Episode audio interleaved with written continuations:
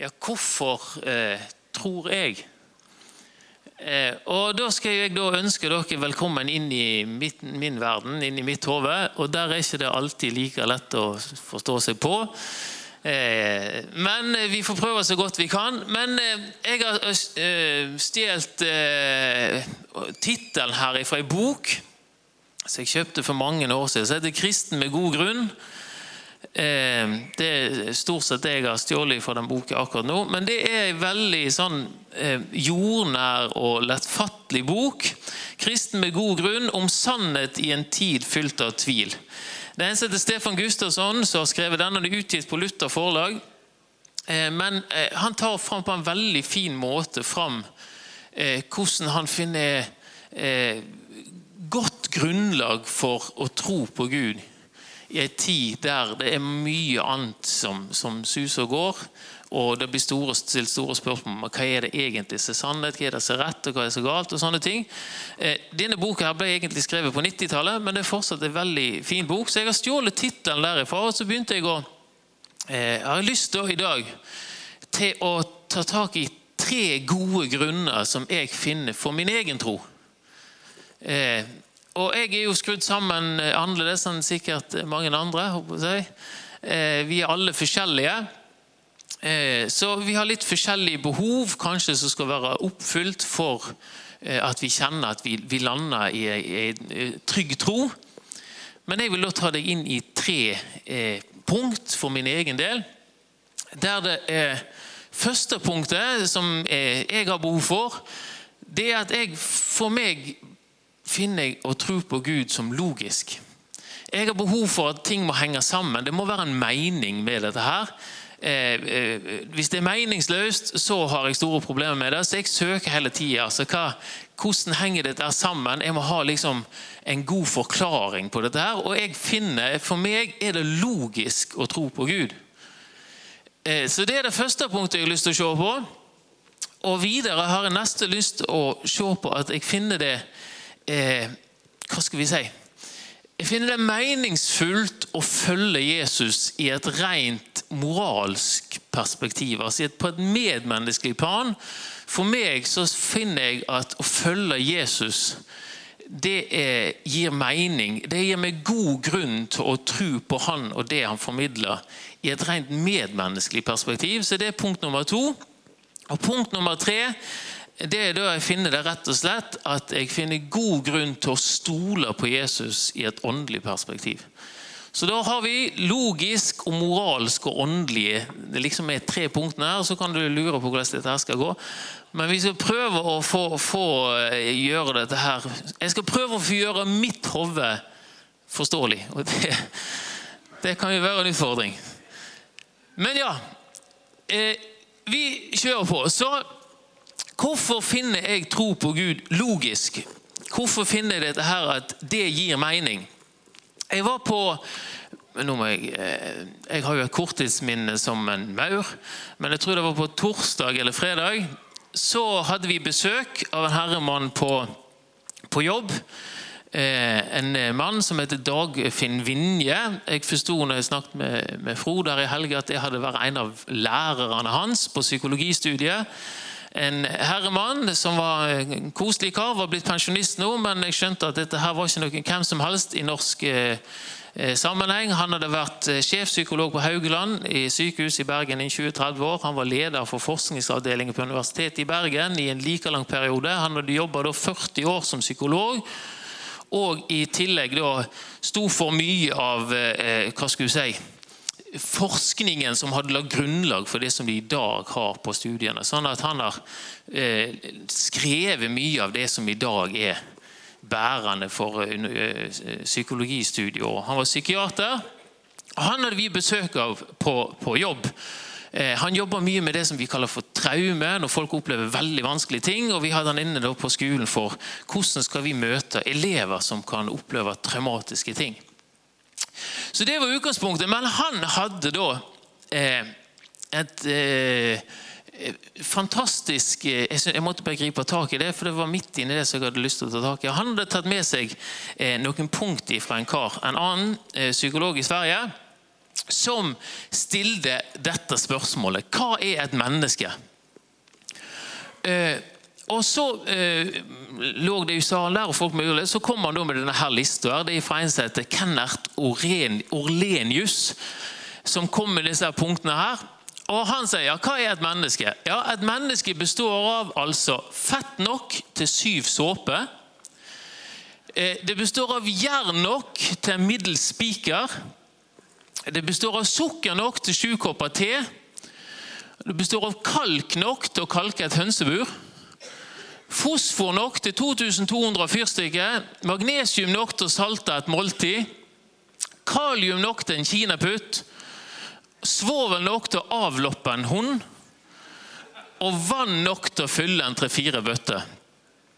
Så sier han hva er en menneske? Så sier han liksom at ja, dette er egentlig det et menneske er. Det er det et menneske består av. Og Så stiller han jo da spørsmålet til oss hva mangler her? Og, så, og Da kom jeg inn på den logiske biten for meg. Dette er det et menneske består av, men er dette et menneske? For oss folk flest vil vi si at ja, hvis jeg har disse ingrediensene, da, har jeg da et menneske? Og de aller fleste vil jo kjenne at et menneske er jo mye mer enn dette her. Det er liksom en sånn logisk selvfølgelighet for oss. Det vi egentlig har her, det er en kropp brutt ned i enkeltbestanddeler. Det er egentlig det vi har, sånn røftlig sett. Men de, jeg tror, det er nesten uansett hvor du går vel, rundt om planeten, så vil altså jeg tror det er ingen som vil på en måte slå seg til ro med at ja, dette er et menneske. Vi har alle, Det blir liksom det blir meningsløst for oss å tenke sånn. Og Han er Kennert, han heter Kennert eh, eh, Orlenius. Han jobber med, i skoleverket, eh, verdi. Hva gir mennesket verdi? I den forstand, Hvordan skal vi møte alle elever i skolen med et felles verdigrunnlag? Det er det han her Orlenius jobber med. Han er professor i, i pedagogikk, av alle ting. Og Det er han som stiller dette her spørsmålet, og det er der det kommer fram at nei, mennesket må ha en verdi utenfor dette. her. Og Dette finner jeg igjen i Bibelen. At Gud bruker bestanddelene fra naturen, mineral osv. Og, så og skaper et menneske, men så gjør han noe mer. Hva gjør han da? Han puster inn selve livet. altså Livet i seg sjøl blåser han inn i mennesket. Og vi har dette her eh, bibelverset her. Han blåste luftspust i nesen på det, og mennesket ble en levende skapning, en levende sjel. Og dette her blir fullstendig logisk for meg. Når jeg observerer mennesket, så blir det meningsløst for meg og tenker på et menneske som en forsamling av kjemikalier eller mineraler eller sånne ting.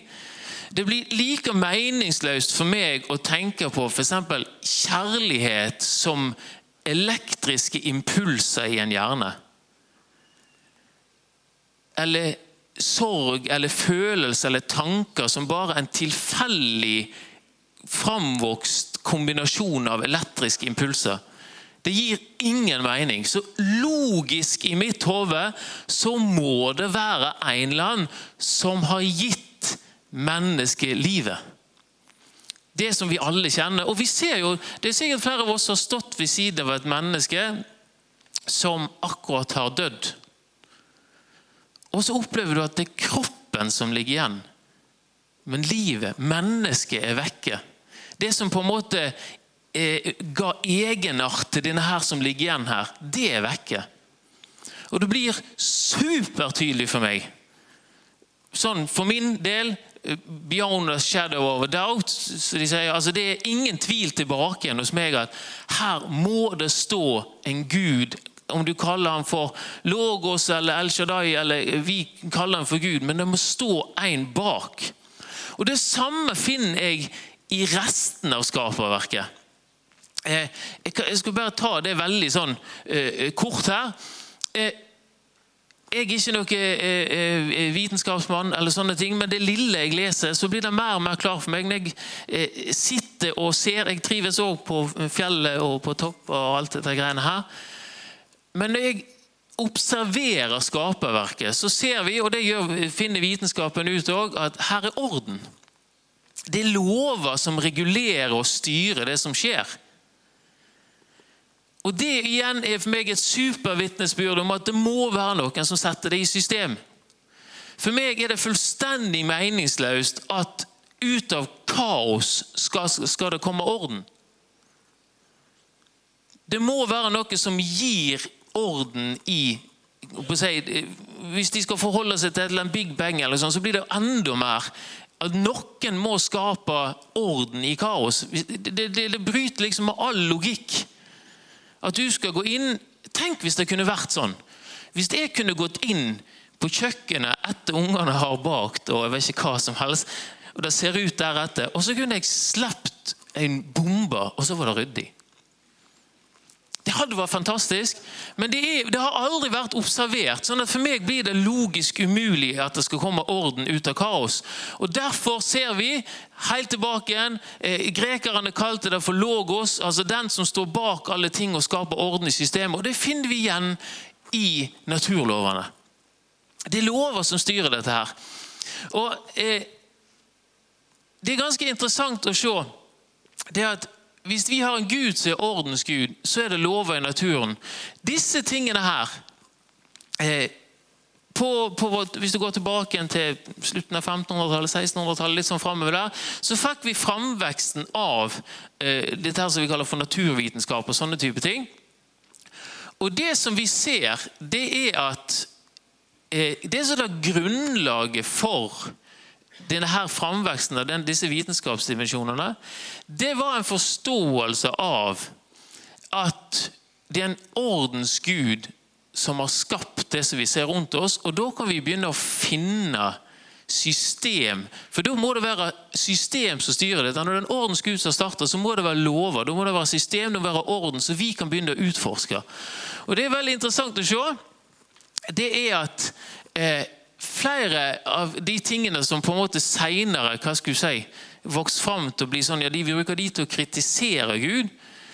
Det var et kristent verdensbilde som la grunnlaget for at vitenskapen kunne vokse fram.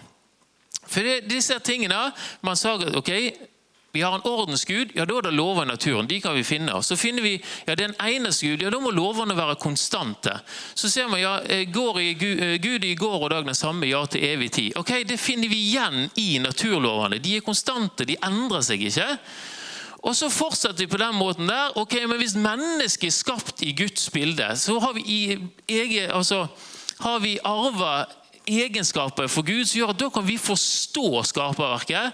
Ja, men Da sier jeg, men da må jo vi undersøke skaperverket og forstå det. Og Derfor er undersøkelse nødvendig. Så kommer man til at ja, da er det viktig for oss å forske på skaperverket for å forstå det skaperverket som Gud har satt oss til å forvalte. Så fordi den eh, gjengen som står bak liksom denne framveksten av vitenskapen, så var det helt en selvfølgelighet det er at hvis vi er satt og forvalter dette her av Gud, så må vi forstå det. Og Gud har gitt oss evne og sanser osv. til å forholde oss til den verden vi lever i. Og Da er ikke det bare at vi hva skal si, kan gjøre det, men de opplevde vi har en plikt til å undersøke skaperverk. Og Det finner vi jo igjen i Bibelen. Ikke plikten, men Oi, nå hoppet jeg over Se der, Jeg har glemt å lagre en greie, men det får vi godta. Men vi finner igjen i romerbrevet da bare sier jeg det, eh, at eh, eh, Paulus sier at det vi kan vite om Gud, det har vært synlig for skapelsens begynnelse av, for vi kjenner det igjen av hans gjerninger. Altså Det som han har gjort, det kan vi vite om Gud. Så for framveksten av naturvitenskapen og logikken for min del, det er at ved å undersøker, etterforsker og finner ut av hvordan skaperverket er skrudd sammen, så lærer vi noe om hvordan Gud fungerer. Så Derfor er jeg forferdelig lite nervøs for at hvis mine unger skulle finne på å bli naturvitenskapsfolk For jeg har en hellig overbevisning om at jo mer du graver og leter Hvis ikke du på forhånd har bestemt deg for at jeg skal liksom finne bevis for at Gud ikke finnes Hvis du kan gå ut i skaperverket med et åpent sinn, så vil du finne bevis for at Gud er der. Og Det er det som det hele denne her naturvitenskapen og logikken og sånn greier utover opplysningstiden var bygd opp på. Men så kom det liksom samtidig med at det var en veldig kritikk mot maktmisbruk i kirka. Og så eh, begynner dette her å krysse litt over hverandre. Men ut ifra dette kristne verdensbildet så kom det òg det at man ser at mennesket har en verdi i seg sjøl og man begynte å kritisere ei kirke som misbrukte sin posisjon til å undertrykke mennesket. så kommer denne tanken fram om menneskeverd fordi du er menneske, ikke fordi at du har en posisjon eller tilhører en eller annen klasse eller født inn i adel. eller et sånt. Alle mennesker har verdi i seg sjøl. Og så kommer da stemmerett for damer. Alt dette her kommer ut ifra et syn på at mennesket har verdi i seg sjøl. Sånn at for meg er Gud fullstendig eh, si, nødvendig for at vi skal ha et realistisk bilde på verden. i det hele tatt. For meg, så Derfor blir Gud og tro på Gud helt logisk. Eller selvfølgelig eller helt nødvendig. Kall det hva du vil. Det blir meningsløst uten. Så det var et lite dypp i mitt logiske hode. Så er det det neste punkt. Så finner det moralsk eh, meningsfullt på et medmenneskelig plan å følge Jesus. Ok, Hva mener jeg med det? Eh, vi bruker jo ofte litt, kanskje litt sånn her eh, Kan vi kalle det for svulstig språk? Skjønner du ikke? Jeg mener litt sånn der eh, det er sånn så, når du sitter en, en gjærdeig til heving, så blir han litt sånn svulstig. Han blåser seg litt opp. Av og til bruker vi litt sånn språk, sant? og det er fint. Vi bruker det med eksempel vi sier liksom at, at, Jesus er verdig all vår lovprisning. Og Det er ikke en vanlig måte å snakke på, men vi skjønner hva vi mener innenfor våre kretser. Men det vi egentlig sier, det er jo at Jesus oppfører seg på en måte, eller har levd på en måte som er verdig å løfte fram, eller som man kan skryte av og si der har vi et strålende eksempel for god oppførsel. Er vi med på det? Men vi bruker litt sånn store ord på det. sant? Men i Jesus så ser jeg en jeg bruker et litt sånn vanskelig ord, men en eksemplifisert oppførsel som jeg ønsker å etterjage. Jeg finner veldig god grunn til å følge Jesus på et rent moralsk plan, på et medmenneskelig plan. Sånn som han møter mennesket, ønsker jeg å møte mennesket. Så jeg finner usedvanlig god grunn til å være en kristen. Altså, Hva er kristen? Ordet i seg det betyr å være Kristus lik. Så jeg søker å være en kristen, en som ligner på Jesus i møte med mennesket. Og det har vi jo eh, i Eh, i Johannes eh, evangeliet kapittel 13. Jeg har ikke tatt det med der, men der, denne historien når, når, når, eh, Jesus vasker føttene til disiplene. Sant? Har vært ute og trakk og gått. Og, og jeg hadde på meg litt tette sko på jobb på fredag. Og Så kom jeg hjem, og jeg hadde stått på beina hele dagen for å sprenge både kasser og bøker og sekker. og alt skulle gjøres klar Og sånne greier. Og så tar jeg av med skoene. Og da skjønner jeg at det å vaske andre sine føtter det er ikke bare bare. For da slo det altså imot meg en odør ifra ja, Jeg skal ikke si hvor den kunne kommet ifra, men det var ikke noe godt. Og så tenker jeg, Hva er det Jesus gjør? Jesus er, og Da må vi, da må vi forstå liksom stillingen som en mester eller en rabbi har i denne kulturen. Sant? Det er fullstendig utenkelig at en rabbi skal liksom gjøre det Jesus gjør, der han legger seg ned og vasker føttene til disiplene etter de har vært ute og trakka godt hele dagen. Og Hva er det Jesus gjør? Han snur jo alt på hodet.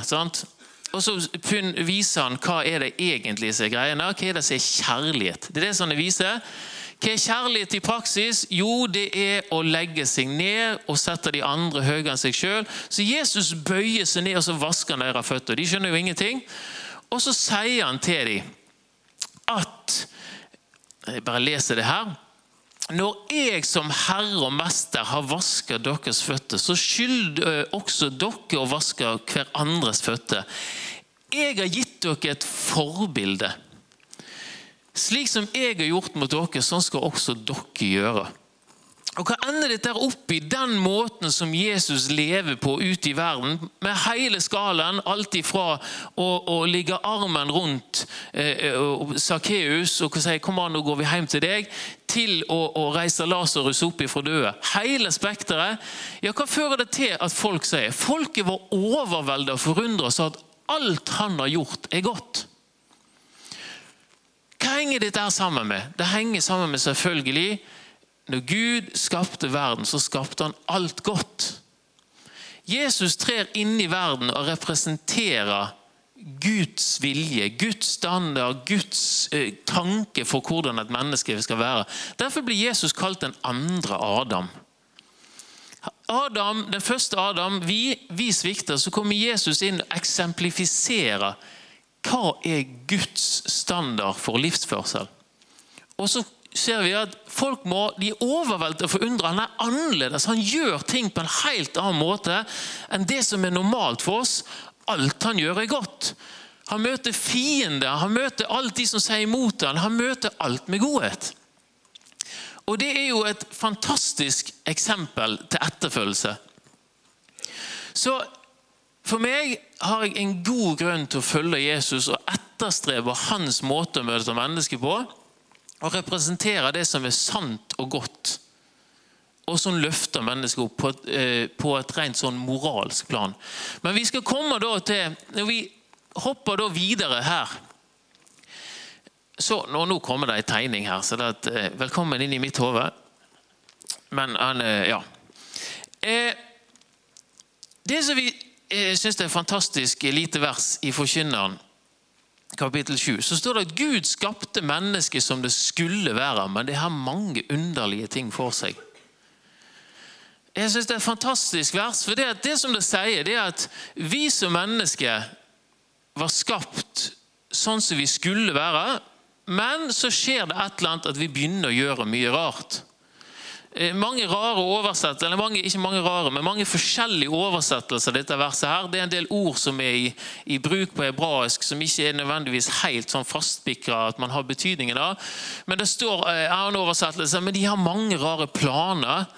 Eh, det står forskjellig sånn at man planlegger ja, ikke helt sånn som man skulle planlagt. Men det som dette her forteller meg, det er at utgangspunktet vårt var at vi skulle leve et liv som Gud hadde satt standarden for i skapelsen. Vi var skapt sånn som vi skulle være.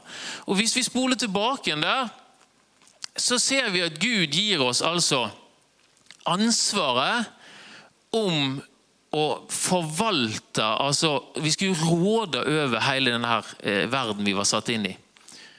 Eh, er vi med på det med å forvalte? Du har ansvaret for at eh, ting skjer sånn som de er tenkt å skje. Og Hva var grunnlaget som Gud la i bunn? Jo, Det er det vi kaller for kjærlighet. Og Ofte så tenker vi kanskje kjærlighet det er liksom veldig sånn følelsesbasert. Vi snakket litt om det i helgen, forskjellen liksom forelskelse og kjærlighet. og sånn. Men eh, jo mer jeg graver og leser i Bibelen, jo mer eh, ser jeg at eh, kjærlighet i Bibelen har egentlig ikke så mye med følelser å gjøre. Det hele tatt. Det har med valg å gjøre. Det handler om å velge ut ifra at du setter andre eh, Hvis vi ser på Guds standard, eller Guds eksempel for kjærlighet, så er det å sette andre høyere enn seg sjøl. Derfor sier Bibelen at eh, vi har lært kjærligheten å kjenne på at Jesus fornedra alt sitt eget og ga seg sjøl på korset. Så Der har dere lært kjærligheten å kjenne. Det er noe annet enn at jeg liksom kjenner at det kitler litt i hjertet, eller jeg, oh, nå ble jeg glad, eller annet sånt. Det er å gjøre det som er best for andre, på tross av. Så Derfor står det at Jesus kom til oss mens vi ennå var fiender osv. Og, og da kom vi inn i denne tegningen. vi. Da jeg kommer på For meg er det da en god grunn til å være kristen. Eh, det er tilliten til Jesus for rett og slett min egen frelse. Og derfor gir det, Nå har vi gått liksom videre ut fra logikken. Nå er vi på et åndelig nivå. Bibelen snakker om det som skjer i det usynlige. og liksom Det er det som viser seg i det synlige. Nå har vi trakka inn der. Men i mitt hode så ser jeg at Gud skaper mennesket med en hensikt. Det er at Vi skal være virksomme på denne verden han har skapt, men vi skal virke ut ifra kjærlighet. Derfor står det at alt var godt. Gud så på alt. Alt var godt. Og Virkemidlet er da at vi skal sette andre over oss sjøl og Gud øverst. Det ligger i bunnen der. Så ser vi gjennom eh, resten og egentlig hele Bibelen at dette her blir, blir, ofte beskrevet som Guds vilje. Vær forstandige, vit hva som er Guds vilje. Ja, hvis vi lurer på hva som er Guds vilje, så er det å virke ut ifra kjærlighet. Gud har masse andre roller, men de gjelder ikke oss. Gud har eh, rolle som dommer og litt forskjellige ting. Det er ikke vår rolle. Vi som mennesker har vår hensikt i at vi skal råde over skaperverket ut ifra kjærlighet. Det er vår jobb. Så eh, Vi har snakket om Guds standard og, og forskjellige typer ting. Det kan vi si, det er rettferd eller vi kjenner det som rettferdighet. Jesus var rettferdig, han hadde rettferd. Han virker ut ifra kjærlighet. Han viser oss eksempelet på hva som er om du vil, Guds standard. Og hva som skjer selvfølgelig, Ut ifra dette her, så får vi jo da at vi faller.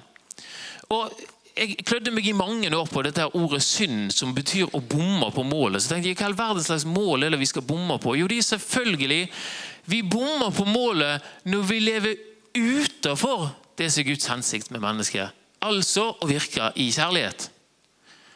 Da er det veldig enkelt for oss å definere synd. Istedenfor å henge oss opp i alle enkelttingene, så er det per definisjon å leve utenfor det som er hensikten vår, å være virksomme i kjærlighet. Så Det da fører til dette syndefallet, og det gir seg liksom eh, resultat i at eh, vi rett og slett begynner å bli onde som mennesker. Det skjer mye galt. Og når man kommer presset kommer på, så gjør man mye ting. Og I denne sammenhengen er det da Jesus kommer inn i vår verden, og så viser han oss Guds vilje og framstår eh, altså, i sin eh, måte å leve på som rettferdig. Og Så opplever jeg da å få høre forkynnelse, få høre evangeliet, gå på søndagsskole i hele tatt. Og jeg begynner å oppdage hvem Jesus er. Og jeg får da et ønske om at jeg ønsker å bli det mennesket igjen. Nå snakker jeg fra mitt perspektiv, jeg snakker ikke om generelt. Dette er inni mitt hode. Så, eh, sånn er det. Men i mitt hode ønsker jeg å bli det mennesket som Gud har skapt meg til å være. Jeg ser at Gud har skapt meg for å virke i kjærlighet, og det ønsker jeg å være. Jeg søker etter å bli det som Gud har tenkt jeg skal være. Og Den eneste måten jeg kan se at jeg kan bli det på, det må være å følge Jesus. For Jesus eksemplifiserer det som et menneske er tenkt å være. Så For meg gir det igjen logisk grunn til å følge Jesus, for at Jesus er, eller eksemplifiserer det jeg ønsker å være. Men selvfølgelig, som vi alle andre gjør, så har jo jeg da òg Jo, jeg må ta med det òg. Og det innebærer hvis jeg skal følge Jesus, så må jeg gi opp det livet som er utafor det som Jesus eksemplifiserer. Altså Det livet som går på å være egoistisk, og alle de tingene der som innebærer at jeg er utafor det som Gud har tenkt jeg skal være, som er virksom i kjærlighet. Så da bare ta en bestemmelse om at ok, den biten der, kjære Gud, se i nåde til meg, eh, den ønsker jeg å legge bak meg. Jeg ønsker å bli en kristen, jeg ønsker å bli mer lik Jesus. Det er liksom driven min. ok? Men det som jeg selvfølgelig skjønner, det er at det går jo på ræv. Eh, unnskyld uttrykket. Eh, det går bra av og til, og så av og til går det ikke bra. Eh, jeg svikter igjen når presset kommer på, og du har sovet lite nok, eller et eller annet stor nok konflikt på jobb. Så ser du at ok, What would Jesus do armbåndet? Det trekker man litt kanskje genseren over, og så blir det ikke helt sånn som man hadde tenkt. Og der nå kommer vi til ok, jeg ønsker, men jeg får det ikke til alltid. Jeg kan strekke meg, jeg blir bedre, og i hele tatt, det vet vi Den hellige ånd hjelper oss, det kommer jeg ikke inn på i dag. Men jeg ser eh, Når jeg prøver å hva skal si, være selvrettferdig, eller liksom si at ja, nå har vi fått greiene på gang, så setter jo bare Gud lyset på og sier at ja, du kan jo tro at du er, er på en måte kommet løfter standarden der nå. Og Det gir jo Jesus eksempler på. sant? Han står sammen med disiplene og de ser inn i tempelet der, og så står han og karen der og takker Gud for at han ikke er sånn som alle disse andre som gjør så mye galt.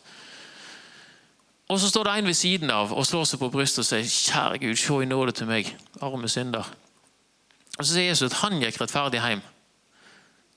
Og det går igjen. Det er så mange historier der Jesus møter folk som på en måte prøver å vise at ja, men jeg er jo veldig, jeg, er veldig flink. Sånn, han der rike unge mannen som kommer til Jesus, og så eh, spør han ja, eh, hva skal til for, for eh, liksom at jeg skal bli frelst og alle skal bli rettferdig. Ja, Så spør Jesus ja, budene kjenner du, hva sier de? Eh, ja, Så sier han liksom eh, disse forskjellige at du skal eh, ære Gud og gå gjennom en sånn der liste. Og så sier han ja, men alt det har jeg holdt siden jeg var ung. Å ja. Det er der, ja. Så du tenker, ja, ja, du tenker at du har fått til det. Ja, men du, Da kan vi ta én ting til. Ta, ta også alt det der greiene du eier. Bare Gå bort og selg det, og så kommer du følge meg. Gi det til de fattige, så kommer du følge meg. Og da skjærer det seg. Sant? Jesus vet jo akkurat hva knapp han trykker på. sant? Ja, Så du ønsker å vise at du er rettferdig i din oppførsel? Eh, du skjønner at eh, Kjærligheten sånn som jeg jobber med det, det er å elske sine fiender og velsigne de som forfølger deg. og hele greien. Så ta så Selg hele det ruklet ditt som du er så knytta til, og så gir du det til de fattige. så kommer du følge meg. Ja, Det klarer han ikke å få til. Og så sier Jesus liksom hvor vanskelig det er for en rik mann å bli frelst. eller komme inn i Guds rike, og panikk, eh, Disiplene får jo helt panikk. Hvem kan da bli frelst? Og Så sier Jesus nei, det er jo umulig for dere. Men ingenting er umulig for Gud. Så snur han dette her på over. Hva ligger selvfølgelig ligger det? Jo, det er jo hele greia. Sant? At Vi får ikke det til. Før eller senere, uansett hvor flinke vi er, så kommer vi til et punkt der at Gud sier hvis du tror at du lever opp til den standarden som jeg har sagt, og som Jesus viser, så må du bli fortalt at du kommer til kort. Og da kommer det, Når jeg da får panikk for å si det sånn, i mitt hode Jeg hadde en sånn her eh, panikksituasjon. Mange år siden jeg satt på hybelen på Lillehammer og bare 'Hjelp, hjelp, hjelp! Er jeg god nok til å bli frelst?' Eh, og jeg var helt sånn Jeg vet ikke noe som var borti, ja, men det er en fryktelig følelse. Eh, du sitter og lurer på om du er god nok for Gud. Jeg fortjener jeg dette her i det hele tatt? Og jeg ber til Gud og syntes det var helt fryktelig. Jeg måtte bruke en halvtime på en måte på å be om tillatelse til å be. Altså, Det var forferdelige greier. Eh, men eh, da, da har jeg kommet til et sånt punkt at jeg ser at eh, innenfor Gud så får jeg liksom ikke Jeg hadde nok trodd at jeg var liksom veldig flink og god, og sånn, sant? og så når Gud setter lyset på, så er du ikke det, og så får du litt sånn der Å, dette her skar seg. Og så opplever jeg, når jeg sitter og ber til Gud, så opplever jeg bare veldig sånn er, jeg skal ikke si at jeg så skriften på veggen eller hørte lyden i rommet, men jeg kjente veldig sånn tydelig greie at hva vil du gjøre hvis jeg ikke vil frelse deg? Og Det ble så superklart for meg at jeg har jo ingenting jeg skulle sagt. Jeg har liksom ingenting med det å gjøre. Jeg kan ikke gjøre noe fra eller til. Og så ble det sånn Du er jo frelst fordi jeg vil frelse deg, og du sitter ditt håp til meg. Og det er det som dette her eh, eh, kulminerer fram til da, i mitt hode. Min gode grunn til å stole på Jesus, det er Når Jesus kommer og sier egentlig 'stol på meg', det er liksom Jeg oversatt tro med 'stol på meg', for tro og tillit er samme ordet på gresk. Stol på meg, så vil jeg frelse deg. Og det er det som bare Når jeg kommer fram her til at yes, jeg kan prøve, jeg, kan, eh, liksom, jeg ønsker å bli bedre. Jeg ønsker å opple si, behandle folk annerledes. Jeg ønsker å være en som bygger opp og ikke river ned. Jeg ønsker å være med en som løfter opp mennesker. Jeg ønsker å være en som kan gjøre at kanskje folk kan eh, det kan skje et eller annet i livet. Sant? Får du inn en eller annen elev eh, som har hatt det fryktelig på en ungdomsskole, kan jeg få lov til å være med i løpet av tre år og bygge opp det mennesket, sånn at det går med å løfte hodet ut igjen? Det ønsker jeg å være. Men så ser jeg når jeg svikter, så kommer Jesus og sier at men frelsen din har ikke med det å gjøre, om du lykkes. Det er om du sitter ditt håp til meg. Og der finner jeg en trygghet og en ro og en fred til å få lov til å feile. Og Det er helt fantastisk. Og det jeg har tenkt igjennom, Er det én ting jeg ønsker for alle mennesker som er rundt meg eller er der ute, så er det å finne den freden i Jesus. Der du kan få lov til å gjøre sånn. Så kom til meg, alle så tungt å bære. Sant? Legg det på meg, og så skal dere finne hvile. Og så har jeg noe som jeg vil legge på deg. At du kan være en som går ut i verden og representerer meg. Men din stilling innenfor Gud vil aldri bli forandra om du lykkes eller ikke. Din stilling innenfor Gud er at du sitter i din tillit til meg, og da vil min rettferdighet blitt lagt over deg. Så er vi fullkommen. Og det er liksom den roen som senker seg i møte med det, gjør at jeg kan gå frimodig ut i hver dag og prøve så godt jeg kan. For om jeg lykkes eller ikke, gjør ingenting innenfor Gud for at jeg er rettferdiggjort i Jesus. Så her er mine da, på, på, på forskjellig plan mine tre gode grunner til at jeg ønsker og jeg tror på Gud. Og jeg har tillit til Jesus fordi at det gir meg et liv som gjør at jeg kan gå ut og være svak. Og så kan han være sterk.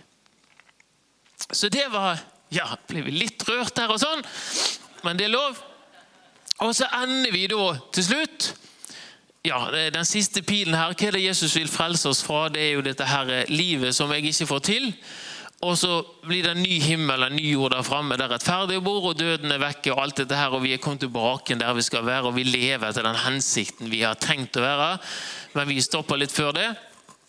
Så når vi skal gå inn i eh, apolitikkhøsten vår så er det dette grunnlaget jeg eh, går inn på. at eh, Da kan jeg møte alle de vanskelige spørsmålene og hva som skjedde, og hvorfor var det så eh, brutale tilstander i Gamle testamentet, og hva med vitenskap og alt mulig sånn. Jeg kan møte alle de spørsmålene uten noen slags bekymring eller frykt. og Oi, kommer jeg til å bli skapa av dette? her? For jeg har et fundament som gjør at for meg er livet eller eksistensen uten Gud og tillit på Jesus helt meningsløs. Amen. Så Gud, jeg takker deg for for min del at jeg kan få lov til å oppleve at eh, du er med meg alle dager så lenge verden står. Jeg takker deg for at dette her har du eh, vist som jeg sier jeg var liten.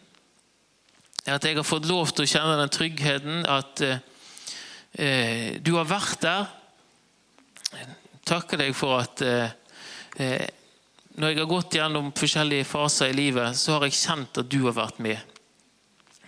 Og Jeg ber om at innenfor en høst der vi skal lufte vanskelige spørsmål, og sånne type ting, så ber jeg om at du må gi oss klarhet og visdom og forstand til å forstå.